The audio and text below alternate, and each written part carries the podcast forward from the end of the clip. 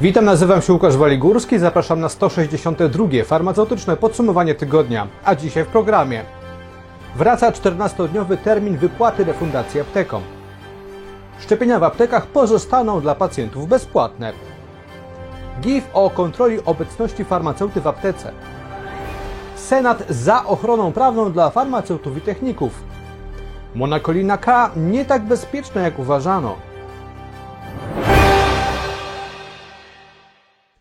W minionym tygodniu Narodowy Fundusz Zdrowia poinformował, że od 16 czerwca wraca 14-dniowy termin zwrotu refundacji przez NFZ aptece za uzgodnione zestawienie zbiorcze recept. Przypomnijmy, że ten 14-dniowy termin obowiązuje od 10 lat i jest on zapisany w ustawie refundacyjnej. Jednak dwa lata temu na dyspozycję ówczesnego wiceministra Janusza Cieszyńskiego NFZ zaczął zwracać pieniądze aptekom dzień po pozytywnej weryfikacji zestawienia. To rozwiązanie zostało przyjęte bardzo entuzjastycznie przez apteki i pozytywnie wpłynęło na płynność finansową aptek. Dlatego też zapowiedź NFZ powrotu do 14-dniowego terminu wypłaty refundacji wywołała oburzenie wśród farmaceutów. W rezultacie interweniowała w tej sprawie m.in. prezes Naczelnej Rady Aptekarskiej Elżbieta Piotrowska-Ludkowska, która wystosowała w tej sprawie pismo do ministra zdrowia, a w tym piśmie apeluje ona o pilne zablokowanie zmiany, którą chce wprowadzić NFZ.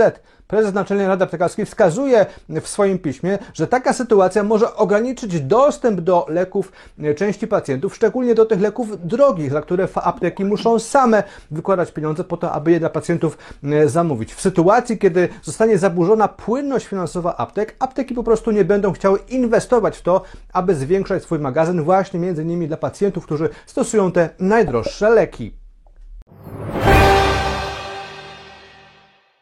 Pozostały niecałe trzy miesiące do rozpoczęcia sezonu szczepień przeciwko grypie. Póki co cały czas nie wiadomo, na jakich zasadach szczepienia przeciwko grypie będą odbywały się w aptekach. Przypomnijmy, że kilka tygodni temu wiceminister Maciej Miłkowski poinformował, że szczepienia przeciwko grypie w aptekach będą możliwe, jednak sama usługa szczepienia nie będzie już finansowana ze środków publicznych, a pacjenci sami będą musieli za to szczepienie w aptece e, zapłacić. Od tego czasu środowisko farmaceutyczne próbuje przekonać resort zdrowia, by jednak usługa szczepienia szczepienia była dla pacjentów bezpłatna, tak jak w innych punktach szczepień.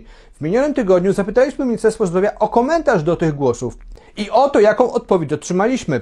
Obecnie wypracowywane są ostateczne rozwiązania na kolejny sezon szczepień. Wszystko wskazuje na to, że usługa szczepienia nadal pozostanie dla pacjentów darmowa, zarówno w POZ, jak i aptekach, co ma zwiększyć potencjał szczepień w Polsce. Poinformowała nas Maria Kuźniar, ekspert Biura Komunikacji Ministerstwa Zdrowia.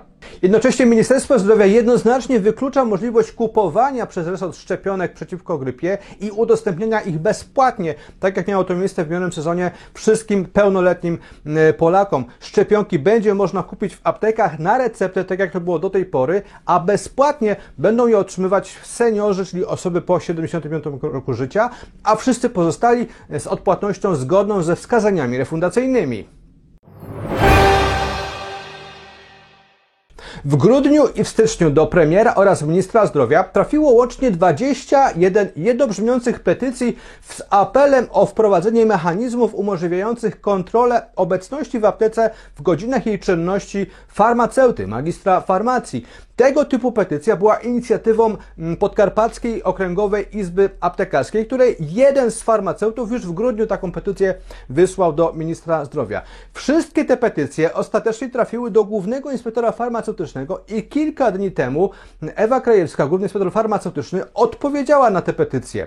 Główny inspektor farmaceutyczny wskazał, że Państwowa Inspekcja Farmaceutyczna nie dysponuje środkami umożliwiającymi sprawowanie bezpośredniego nadzoru nad obecnością farmaceuty w godzinach czynności każdej działającej apteki ogólnodostępnej, punktu aptecznego, apteki szpitalnej, zakładowej, działu farmacji szpitalnej w każdym momencie czynności nadzorowanych placówek. Zadaniem Państwowej Inspekcji Farmaceutycznej jest nadzorowanie pod względem merytorycznym działalności aptek w całym obszarze realizowanych zadań, nie zaś prewencyjne weryfikowanie stałej obecności farmaceuty w godzinach czynności apteki.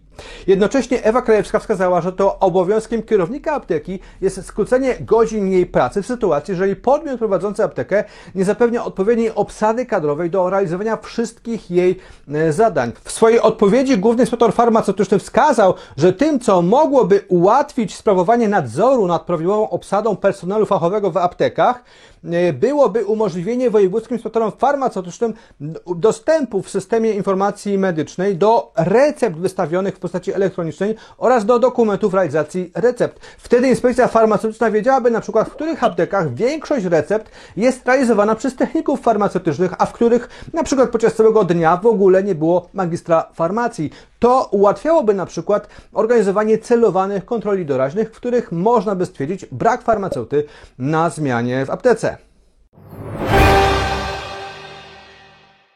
W minionym tygodniu Senat rozpatrywał ustawę, którą Sejm przyjął w połowie maja. Ustawę, która nadaje farmaceutom oraz technikom farmaceutycznym ochronę taką samą, jaka przysługuje funkcjonariuszom publicznym.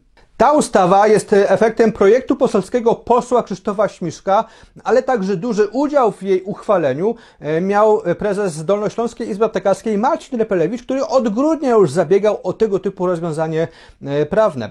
W minionym tygodniu Senacka Komisja Zdrowia najpierw jednogłośnie przyjęła ten projekt, a w zasadzie już ustawę, ale pojawiły się pewne wątpliwości ze strony Biura Legislacyjnego, które wskazywało, że w związku z tymi przepisami i w związku z ich kształtem okazuje się, że większą i szerszą ochronę prawną uzyskają technicy farmaceutyczni niż farmaceuci. Jednocześnie Biuro Legislacyjne Senatu przygotowało także poprawkę, która miała zniwelować te różnice. Ostatecznie jednak ta poprawka nie została poddana pod głosowanie, a w Senacie dyskusji nad tą ustawą praktycznie nie było. Wszyscy senatorowie jednogłośnie ją przyjęli, zagłosowali za jej przyjęciem. W rezultacie teraz ustawa trafi do prezydenta. Monakolina K to substancja, która w ostatnich latach zdobywa bardzo dużą popularność, szczególnie za sprawą suplementów diety, które mają wspomagać obniżanie poziomu cholesterolu. Sama monakolina K jest to substancja, która jest pozyskiwana w wyniku fermentacji czerwonego ryżu wywołanej przez drożdże. Często monakolina K nazywana też jest naturalną statyną, a preparaty ją zawierające są powszechnie dostępne w polskich aptekach. Okazuje się, że od kilku lat monakolinie K uważnie przygląda się Komisja Europejska, która próbuje ustalić, czy ta substancja jako składnik suplementów diety, składnik spożywczy, odżywczy jest w ogóle bezpieczna i czy można ustalić jej bezpieczne poziomy e, spożycia. Okazuje się, że Komisja Europejska w oparciu o dostępne informacje na temat szkodliwych skutków odnotowanych u ludzi stosujących monakolinę K uznała, że monakoliny ze sfermentowanego czerwonego ryżu stosowane jako suplementy diety budzą poważne obawy co do bezpieczeństwa przy poziomie stosowania wynoszącym 10 mg dziennie.